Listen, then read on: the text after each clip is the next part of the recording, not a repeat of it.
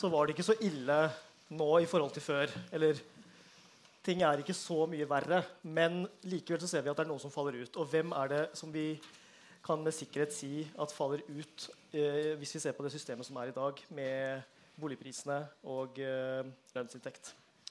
Det er typisk de som ikke har sånn kjempehøy inntekt, som gjerne har studielån i tillegg, og som da ikke har foreldre som kan bistå, eller andre at man eh, arver penger hos andre. Eh, ja. så, så, de har det ganske tøft. Da. Vi så jo regnestykket her at sparepotensialet er heller ikke spesielt høyt, så de klarer rett ikke å spare opp raskt nok når boligprisene stiger så raskt som de har gjort de siste mm. årene. Eh, Trond Mentestuen, velkommen. Jeg ser at du nikker. Eh, kan, du, kan, du, si hva, hva du eh, Du kan begynne med å kommentere det Kristin har lagt fram. I hvilken grad stemmer dette overens med det dere ser i banken? Det stemmer veldig godt overens. Og det er jo sånn i Norge at Vi har jo et, en, en, utlånspraksis når det gjelder lån til bolig, som er veldig detaljregulert fra myndighetens side. Og det er det gode grunner til.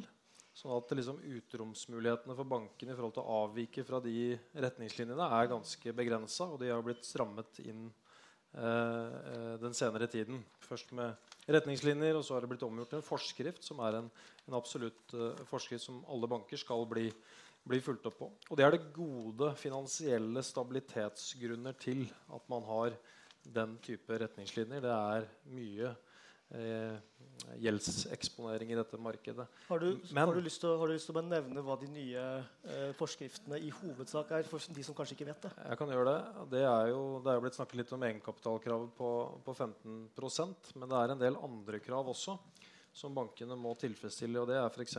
amortisering, altså nedbetaling på lån eh, innenfor 60% av, av verdien.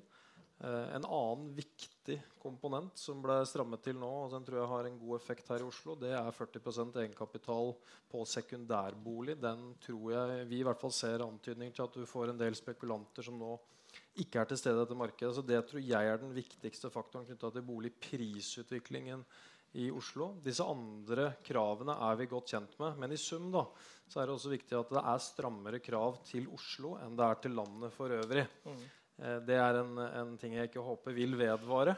Eh, men jeg forstår jo hvorfor man har gjort det på den måten. Men jeg er litt usikker på hvordan det vil, eh, vil slå ut. Men jeg kjenner meg godt igjen i bildet her. Ja, hvorfor vil du ikke at det skal bare være spesifikt for Oslo? Nei, Det er veldig rart du, i Oslo vest du sitter på én side av elva og ser over på andre siden, og så er det to forskjellige sett av regler som gjelder. Og det samme kan du ta her også, fra Ellingsrud og oppover. Altså det, er, det blir litt rart, fordi det er ikke på en måte kommunegrensene som nødvendigvis separerer disse boligmarkedene. Så Derfor syns jeg kommunegrenser kan bli litt over tid. hvert fall kan det bli rart. men Dog forstår jeg motivet bak det. Jeg skal slippe til de andre, men jeg har lyst til å stille et, et spørsmål til. Mm. Um, hvis vi da snakker om, eller vrir samtalen inn mot klasseskillet, som er uh, den bekymringen de fleste har kommet uh, til orde med i fjor, i hvert fall, da prisene økte med over 20% i Oslo. Hvilket ansvar har du og DNB og bankene for at man um, ikke er med på å skape det skillet? Vi har et stort ansvar. og Det var det jeg skulle konkludere med i stad. Si at det er gode grunner for å ha disse reguleringene. Men de slår ulikt ut i markedet. Og Jeg har vært veldig tydelig på det og sagt at uh, de forutsetningene man har i dag, det regimet man har i dag, det, det, skaper et boligklasseskille i Norge, ikke bare i Oslo. Og Det ser jo vi hver eneste dag. Og det er helt tydelig skille mellom de som har foreldre som kan stille opp som medlåntakere eller stille opp med egenkapital, og de som ikke har det. Og det skyldet det blir sterkere og sterkere for hver dag som går. Mm. Vårt ansvar i dette her, det er jo bl.a. å allokere risikokapital. Altså sørge for at vi bruker vår avviksmulighet. Da. Og den er 8% i Oslo. At vi bruker den inn mot sårbare grupper. Dette sa jo finansministeren og oppfordret bankene til å gjøre for noen år siden. Det forsøker vi å, å følge opp. Det er mange år siden vi lanserte et eget boliglån for unge som egentlig i en bankverden ikke henger helt på greip. Mm fordi vi gir den billigste prisen vi klarer inn mot et boliglån for unge. Men det er eh, For en gammel bankmann så ville det liksom vært litt eh, skjærings i, i regnestykket. Men det gjør vi nettopp for å forsøke å bidra til å hjelpe flere unge inn. Men det, vi har som sagt begrensede muligheter for å avvike. Mm. Så du kan ikke si at de 8% som dere viker fra, at det er spesifikt for unge? Ikke bare unge. Husk på vi har folk som uh, kommer i vanskelige livssituasjoner. Det kan være skilsmisse, det kan være død. Men vi mm. forsøker å allokere avvikskapasiteten vår inn mot de vi mener er mest sårbare. Mm. Og i Oslo så vil det si at vi kan avvike innenfor da 8% av det totale volumet vårt. Eh, Hanna Gitmark, jeg hopper over til deg. Eh, det blir sagt sårbare her. Eh, hvem er det som er mest sårbar i en sånn situasjon hvor markedet eh, og prisene galopperer av gårde? Det er jo de som ikke er med på den eh, prisgaloppen. Og I Norge i dag så eier eh, sju, omtrent sju av ti sin egen bolig. Og de som får være med da på den enorme prisgaloppen, de har det jo kjempebra. Eh, vår bekymring og min bekymring er knytta til alle de som ikke er med. Og det, er, det sies i Norge så eier man sin egen bolig, men det er faktisk tre av ti som ikke gjør det. Og for hvert år som går, for hvert år som prisene stiger, så får de redusert sin mulighet til å være med i det markedet som skaper så enorme verdier. Så vi er bekymra for dem. Og det forsterkes jo da hvis man har foreldre som kan hjelpe, som har vært vinnere i boligmarkedet, så forsterkes det her fra generasjon til generasjon. Så vi aner jo ikke hvordan det kommer til å se ut om ytterligere noen år. Mm. Eh, Kristin Aaland, jeg har bare lyst til å spørre deg, for Da vi gjorde researchen til dette, så snakket vi om uh, hvordan dette har fått utvikle seg. Og da spør jeg deg nå, Hvordan har dette fått utvikle seg til den situasjonen vi er i nå? Med um, ja, De tallene du beskriver her, er jo ganske nedslående for folk som i utgangspunktet har solid utdannelse og mm. uh, en god inntekt. Mm. Men muligheten for å bo uh, i hovedstaden er, uh, hvis vi da fokuserer mest på Oslo nå, er i ferd med å bli umulig. Hvordan har, vi, hvordan har, vi, kommet dit? Hvem er det som ikke har gjort jobben sin her? ja, um, det er jo veldig komplekst uh, spørsmål å svare på. Uh, men altså, det er jo noe med at sant, uh, Når prisene stiger så raskt, så er jo det et signal altså en markedssituasjon om at sant, tilbudet skal økes. Og det er jo tydelig at det er liksom noe i den signaliseringen eller i den liksom kjeden av, av, suksessive ting som skal skje, som ikke skjer raskt nok eller ikke skjer i tilfredsstillende grad. Så jeg tenker jo at, at, boligbyggingen ikke har vært høy nok til å følge liksom opp den høye prisstigningen mm. over tid, er, er, jo en del av grunnen, tenker jeg i hvert fall. Mm. Og så er det jo jeg tenker det er jo en del etterspørselseffekter. altså det at renten generelt har vært så lav, og det at eh, avkastningen på investering i bolig har vært så utrolig høy, gjør jo at det, fri, altså det, frister jo veldig mange til å investere i bolig. ikke sant? Hvis man får fire eller fem ganger så høy avkastning der som man får hvis man setter pengene i banken, så er det jo da eh, rart om folk ikke utnytter denne muligheten hvis de, har, hvis de kan det. Um, ja, eh, Hanna? Ja, og her, jo, her, har jo myndighetene også hjulpet til for å gjøre den avkastningen enda større. ikke sant? Det er veldig gunstig å eie bolig i dag. Det henger sammen med historien. Både på høyre- og venstresida i norsk politikk så har det vært et viktig mantra om man skal eie sin egen bolig. For høyresiden så var det knytta til at man var en fri og produktiv borger hvis man på en måte også kunne eie sin egen bolig. For arbeiderbevegelsen og bondebevegelsen så var det knytta til slags motstand mot gårdeievelde og sette på en måte, eller å skape bedre boforhold for arbeiderne. ikke sant? Så det har vært et veldig sånn gunstig, eh, gunstig, politikk rundt det å eie sin egen bolig. Og det har nå gjort at vi har kjørt oss kommer sikkert litt tilbake til det, men kjørt oss litt fast i et spor hvor det blir vanskelig å gjøre noe. Fordi vi får, vi får, store rentefradrag. Vi skatter veldig begrensa å bo i egen bolig. Mm. Og de siste årene så har samla de subsidiene da, Finansdepartementet opererer med såkalte skatteutgifter vært opp mot 50 milliarder kroner i året. Og det er da penger som de som er i boligmarkedet, får, mens de som ikke er der Og før var det kanskje mange som valgte å leie og ikke eie, men nå er det ofte knytta til at man ikke har penger til eie. De får da ikke noen av de pengene. Så det er liksom en sånn omvendt Robin Hood. Mm. Nei, altså jeg tenker at eh, Det er mange faktorer, men over tid da, ja. så er det én ting som, eh, som, kommer til å, å, bite i denne utviklingen, og det er et bedre forhold mellom tilbud og etterspørsel. Statsråden som skal opp her senere, godkjente nettopp utbyggingen av 6000 nye boligenheter på det stedet hvor jeg bor, på Ski. Det tror jeg er et veldig godt tiltak. Og du må skape en helt annen balanse i områdene rundt Oslo bykjerne for å kunne ta noe av presset inn mot, uh, mot Oslo. Så jeg vil jo oppfordre politikere til å ha en helhetlig plan i de ulike områdene rundt Oslo. For det er viktig for Oslo, altså indre by i Oslo også. Jeg, men over tid så vil det være dette. Jeg er spent på nå. Det er jo rekordhøy eh, boligbygging eh, igangsatt i, i, Norge. Jeg er spent på å se effekten av det når det begynner å bite i markedet. altså når det begynner å komme ordentlig ut i markedet Og det drøyer fortsatt litt. Noe av det er ute, men det kommer mer i år, og det kommer mer neste år av det som er igangsatt. Så jeg tror veldig på den tilbudssiden må, må, begynne å bite i markedet for å få en annen prisutvikling. Jeg kan bare si at Neste tema når panelet med politikere kommer opp, er nettopp boligbygging. Så vi kommer, kommer til det og får uh, statsrådens uh, syn på det. I hvert fall skal man innlede med det, og så kommer kritikken helt sikkert fra Arbeiderpartiet og SV. når du sier dette med å, knutepunkter og bo på utsiden av byen, så må jeg jo gjerne få lov å spørre altså, Denne ideen om å bo i sentrum av byen hvor kommer den fra? Altså, det er jo ikke noe menneskerett å bo i byen heller. Så, så hvordan Nei, Hva tenker du om det? Nei, men Jeg kan forstå det. Jeg, jo, jeg er ikke så gammel at jeg ikke husker tilbake til jeg var litt yngre selv og, og ville bo i, i bykjernen. Uh, og jeg tror Oslos bykjerne er lite. Hvis jeg ser på andre storbyer rundt i Europa, så er det ulike typer bykjerner. altså Ta London eller, eller andre byer. Den utviklingen har nok ikke gått like raskt i Oslo, men den tror jeg også vil komme. Og du ser tegn til at det blomstrer opp ulike andre typer sentra i Oslo da, enn bare midt nede i gryta her. Så, så, jeg tror den utviklingen må på en måte få, uh, få, gå sin gang. Men det er jo definitivt ikke noe menneskerett. Men husk på det. Uh, ute hos meg på Ski da, så det, du får ikke en leilighet under 2,5-3 millioner der heller. Så, så, så, problemstillingen er like relevant, da, selv om det går litt utenfor bykjernen i Oslo. Ja, bare, jeg tenker det, det, blir man ofte møtt med, det der med at det er ikke noe menneskerett å bo i byen. Men hvis man ser på alles eh, behov, så er det ikke bare fint for den enkelte å bo i byen. Det er også fint alle steder at man har mangfold. Det å treffe folk enten de er eh, unge eller gamle eller har en annen sosial eller kulturell bakgrunn enn en selv, er veldig bra. For det er der den sosiale kapitalen i et samfunn oppstår. Og det er like viktig overalt. Nå trenger ikke alle bo i én boligblokk i, i Midtbyen, men at det er et mangfold i de ulike bydelene i Oslo, er bra. Og da er f.eks. Bjørvika et eksempel hvor man ikke helt har fått til det. Det er eh, Fjordbyen. Det er liksom det fineste området av byen. Man bygde ut det. Skulle være tilgjengelig for alle.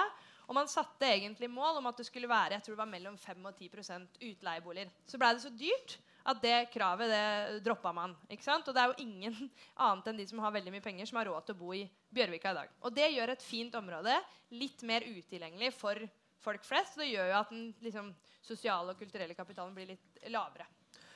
Du skryter av boligbyggingen uh, utenfor sentrum, og du nevner Ski. Men hva syns du generelt om boligbyggingen i, uh, altså, i, i Norge? Nei, altså, Jeg er veldig glad for at uh, igangsettingstakten av boliger er høyere nå enn den har vært de siste årene. Det, mm. det, mener jeg er veldig viktig, og jeg håper politikerne følger på med det. Det vil skape en, en bedre balanse.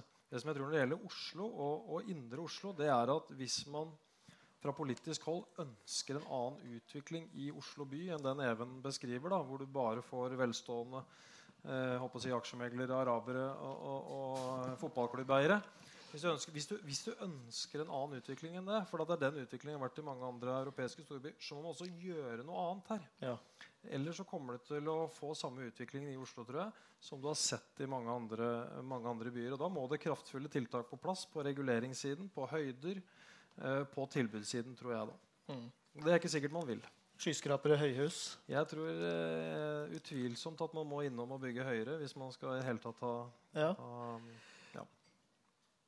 hva med støtteordninger? Fordi det vet jeg at uh, i hvert fall du uh, har noen ideer om. Men uh, vi kan ta det først, og så kan vi høre hva forskeren sier. Mm. Ja. ja. jeg tenker at man må altså, Jeg sa i stad at vi skattlegger bolig ganske lite. Vi skattlegger mm. bolig og eiendom med omtrent halvparten av gjennomsnittet i OECD. Og det er da en slags gavepakke til de som eier bolig. Samtidig så bruker vi halvparten av gjennomsnittet i OECD på sosiale botiltak. Eh, og det er jo et paradoks. Eh, og jeg tenker at Vi må gjøre mer av det, og så må vi innovere litt den eierskapsmodellen. Se mer på sånn type leie-til-eie-prosjekter. Hvor man for eksempel, hvor kommunen eh, bidrar til at det blir lettere å kjøpe kommunale boliger. Eller hvor utbyggere gjør det. Jeg så et eksempel eh, som kalles Tobbs-leiligheten i Trondheim. Hvor, eh, hvor, utbyggeren ga en mulighet til å kjøpe bolig etter en leieperiode på tre til fem år til den inngangsverdien boligen hadde da de begynte å leie. Så de fikk med seg en prisstigning. Det var over 400 interessenter på 50 leiligheter, alle mellom 25 og 35 år. Eh, så sånne type ting. Jeg vet ikke hva DNB har gjort, men jeg så um, eh, Var det Handelsbanken som hadde innført som har snust litt på en modell hvor man eh, leier, altså hvor renter blir erstatta av leie, og etter hvert så kan eh, de som leier da boligen, kjøpe den av banken sin. ikke sant? Sånne type former som gjør at eierskap på sikt eh, blir mulig. Så det fins mange ting man kan gjøre. Men hvem skal få disse støtteordningene? Hvem skal komme, hvem skal komme øh, dem, altså, ja, hvilke, hvem skal komme nytte av dem? Ja, hvilke, hvilke krav man skal Ja. stille. Altså, I dag så gjør man jo allerede en del sånn utvelgelsesprosesser for å se hvem som får husbanklån, eksempel, hvem som blir tildelt kommunale leiligheter. og sånn. Så jeg tenker at det må være den type kriterier som ligger til grunn. Den som trenger det mest, osv. Og, og så spørs jo hvor mye man har å tilby. Og de som trenger det mest, bør være de første som Mm. eh, får det. Kristin Aarland, tror du man kan ha sånne støtteordninger som kommer riktige folk til nytte? Um, ja. Um, altså jeg har jobbet ganske mye med startlånet. da. Ja. Uh, og startlånet var jo en ordning som mange unge kunne bruke. Da egenkapitalkravet ble innført, så kunne man uh, få startlånet unntatt fra uh, Finanstilsynets retningslinjer. Så kunne man få lån til å dekke egenkapitalkravet der. Så det ble en sånn slags bakvei, da, for, for å si det sånn. Men i 2014 eh, så ble retningslinjer for startlånet strammet inn. Og eh, unge førstegangsetablerere som ikke hadde noe annet problem da, for å kalle det eh, enn at de ikke hadde oppspart egenkapital, ble da eh, stengt ute fra denne ordningen. Og det eh, så, så per i dag så finnes det ikke altså disse ordningene sånn her eh, leie til eie. Eh, og startlånet er jo mye mer rettet inn mot det som vi kaller for varig vanskeligstilte. Altså folk som, som er i en mye mer eh, utsatt økonomisk posisjon enn en det unge er. da, eh, I hvert fall så lenge man ikke har etablert familie og fått barn osv. Så, videre. eh, så per i dag så er det ikke noen ordning egentlig som, som rettes mot de, eh, sånn sett. Eh, Men Er det mulig å lage en ordning som treffer akkurat de som trenger det? Hvor skal man sette grensen og si at heretter skal vi begynne å gi støtte til disse personene som ikke kommer seg inn på boligmarkedet på egen hånd, selv om de ikke er vanskeligstilt, annet enn at de ikke har god nok økonomi til å komme seg inn på markedet? Ja, altså det har, Vi har jo diskutert litt uh, Jeg ser på min kollega her. Uh, Kim Astrup som sitter der, som også er inne i disse tingene. Altså Det har vært diskutert egentlig ikke så mye da, kanskje mest sånn i forskermiljøet, om man kunne trengt en sånn slags startlåne 2 som var beregnet for unge. Eh, hadde det vært en idé, liksom? Eh, så, så- ja, så kanskje det, for vi ser jo at det er et behov. Og det som skjer, er jo også sånn som han er inne på, inne på altså over tid. ikke sant? Hvis du da ikke kommer inn på boligmarkedet, og du kommer liksom kanskje bikker 30 og du starter familie osv., så, videre, så plutselig kan du da komme i en situasjon hvor du kanskje blir liksom varig vanskeligstilt. ikke sant? Eh, og det er også paradoksalt at man på en måte Hvis man får det verre, så får man mer hjelp. Og da kommer liksom alle disse fordelingseffektene inn. ikke sant? Hvem skal, det, hvem skal disse ordningene komme til gode? Hvordan skal man utforme de sånn at man ikke har noe insentiv for å liksom altså gjøre ting verre for at man skal eh, kvalifisere til, eh, til et gode da, som er liksom begrenset til folk med veldig lave inntekter. Vi må om veldig kort tid videre til neste punkt, men jeg har lyst til å stille, stille deg et spørsmål, eh, Trond Bentstuen. Um, hvis vi nå ser for oss at det er en uh, nedkjøling på gang i markedet, at uh, de som skal kjøpe bolig to, tre, fire for å leie ut, uh, eller er spekulanter, at de er i ferd med å kanskje bli luket ut, i hvert fall hvis man baserer det på eh, overskriftene som har vært de siste dagene. Em, hvordan skal man da em, eh, som førstegangskjøper, hvilket råd vil du gi til folk som skal inn på markedet eh, for å komme seg inn på det? Ja, det vanskelige rådet det er jo at eh, jo før du starter sparing, jo bedre er det. Og i en sånn debatt som dette her, og det er noe vi prøver å ta til orde for, da, så er det jo å se på hvordan kan vi insentivere sparing for unge. Vi har jo denne BSU-ordningen i dag. Vi tok tak i den i Kai Martin, var i 2010. Og vi dobla beløpet og ga liksom samme gode rente, men vi kunne ikke gi skattefradraget på det vi dobla det med, men vi forsøkte å gjøre ordningen bedre. Så jeg forsøker hele tiden å snakke for å, hvordan kan vi insentivere sparing mer. Og ikke bare tenke BSU nødvendigvis, men ordninger som treffer, treffer bredere enn det. For det er i hvert fall et, et veldig godt råd. Å komme i gang så tidlig som mulig. Dattera mi som er russ nå, hun valgte å bruke beløpet hun solgte Vespaen sin for, på BSU-kontoen. Uten råd fra far. Det er jo helt utrolig. eh, men da ble jeg rød, eh, varm om hjertet. Men Hva altså, med de som ikke har foreldre som har barn med Vespa? holdt jeg på å si? Nei, men hun har, kjøpt, hun, har, hun, har, hun har kjøpt den for egne penger, spart opp gjennom deltidsjobb på Hennes og Maurits, så det er ikke en gave hun har fått av meg. Så, så, så det er jo på en måte den veien der. Og, og jeg syns at vi må tenke på hvordan vi legger best mulig til rette for det. da. Mm. Fordi eh, uomtvistelig så kommer det til å være et krav om å ha egenkapital.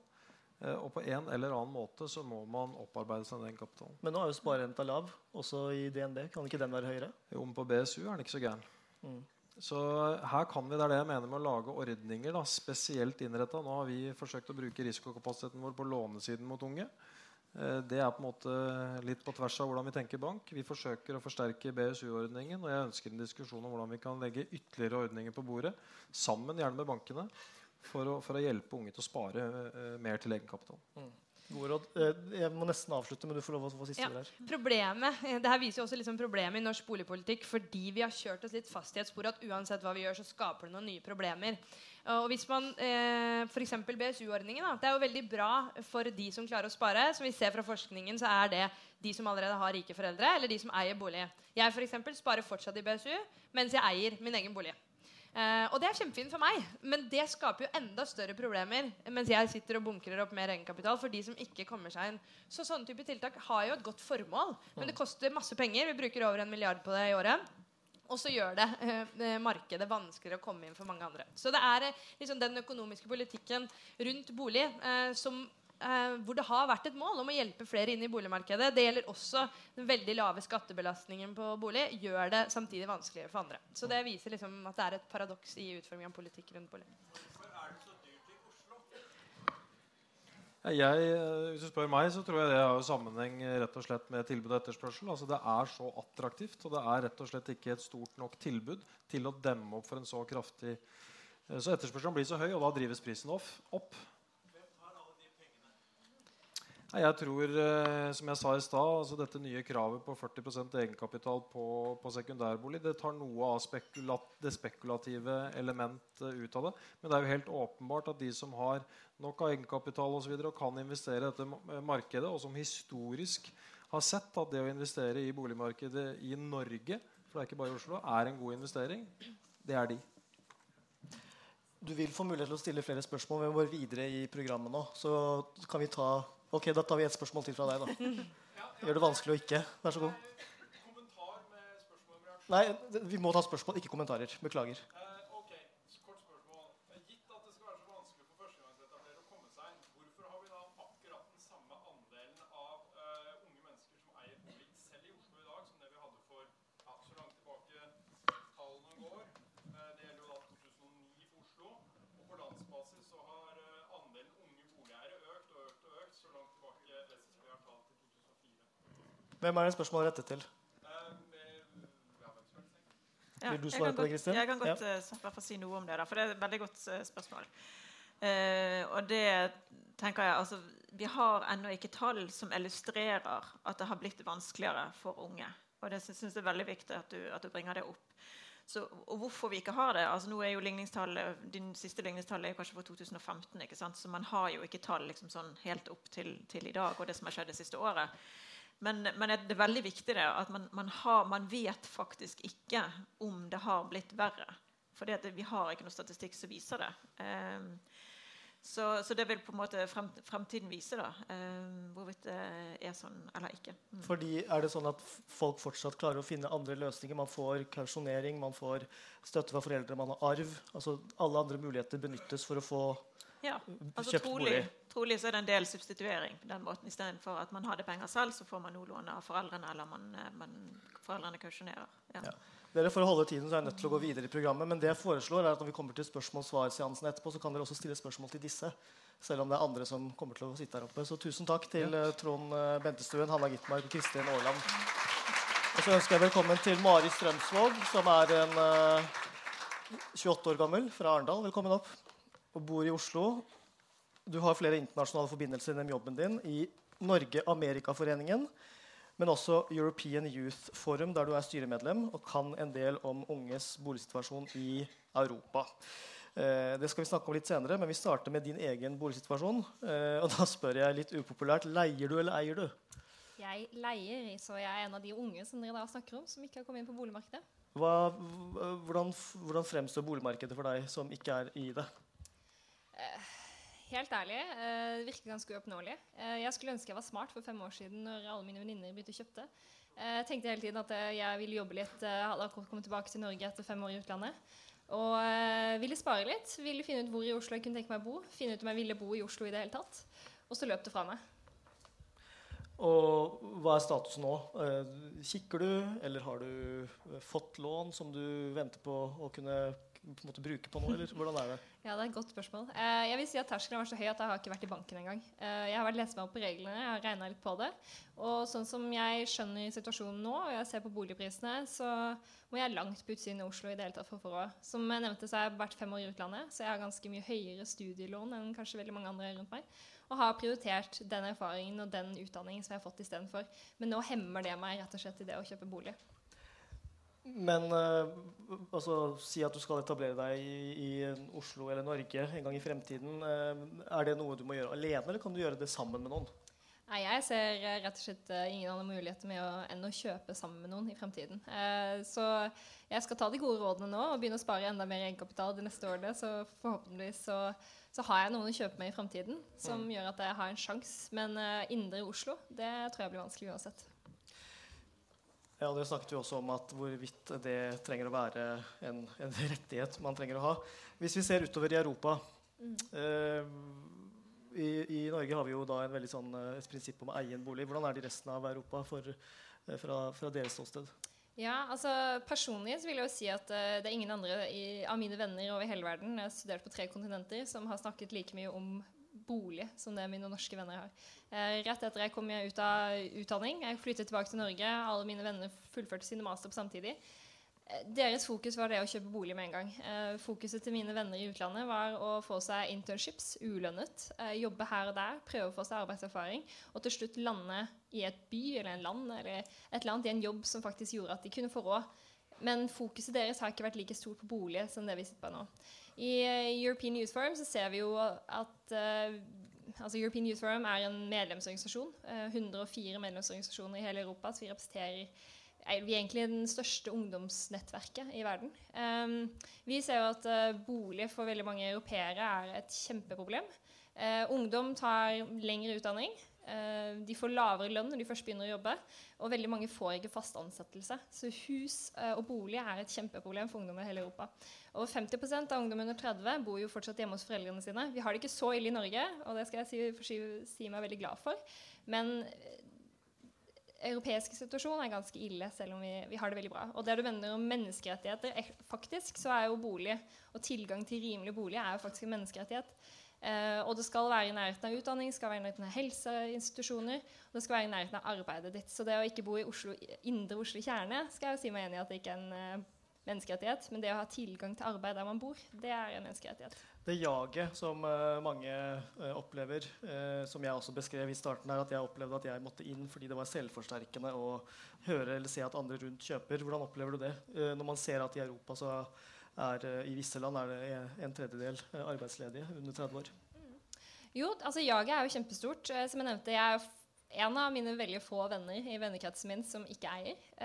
Og jeg får ofte spørsmålet vi, Hvis man ikke har sett noen venner på en lang stund, møter en gamle kollegaer, eh, skal på date, så kan det hende at man får dette spørsmålet. Ja, hvor bor du? Og så er oppfølgingsspørsmålet ja, eier du? Og det er det sosiale stigmaet som kommer litt rundt med det å ikke eie. Det tror jeg vi skal ta mer på alvor enn det man tror. Beklager.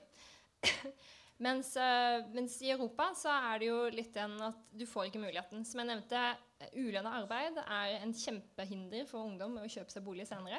Man jobber i veldig mange år. Jeg kjenner, har mange venner på europeisk nivå som jo er i sin syvende internship uten lønn. Og det er ganske drastisk. Man tenker at fast ansettelse er ingenting.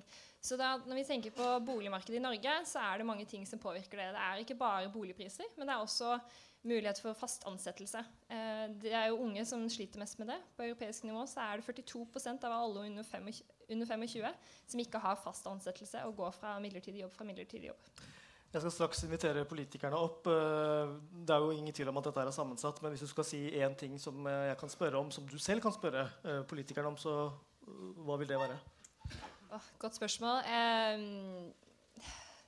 Jeg likte veldig godt forslaget fra Hanna Gitmark. var det hennes navn var. om muligheter for andre måter å kjøpe seg bolig. Eh, gjennom insentiver for å leie, så til man kan eie senere.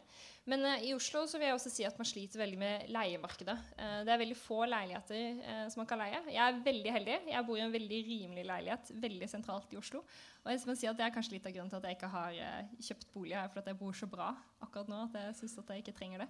Men, eh, men spørsmålet er hva er framtidsplanene? Fordi at Hvis vi ser på disse prognosene her Jeg har ikke sjanse til å spare 1 million før fem år. Og hvis jeg skal vente ti år, må jeg da spare to millioner for å kunne kjøpe. Så skrekken er rett og slett at eh, man skal man noen gang få råd, eller må jeg flytte til Romania? Jeg får håpe du blir her, da. Romania er litt langt unna. Men tusen takk, eh, Mari.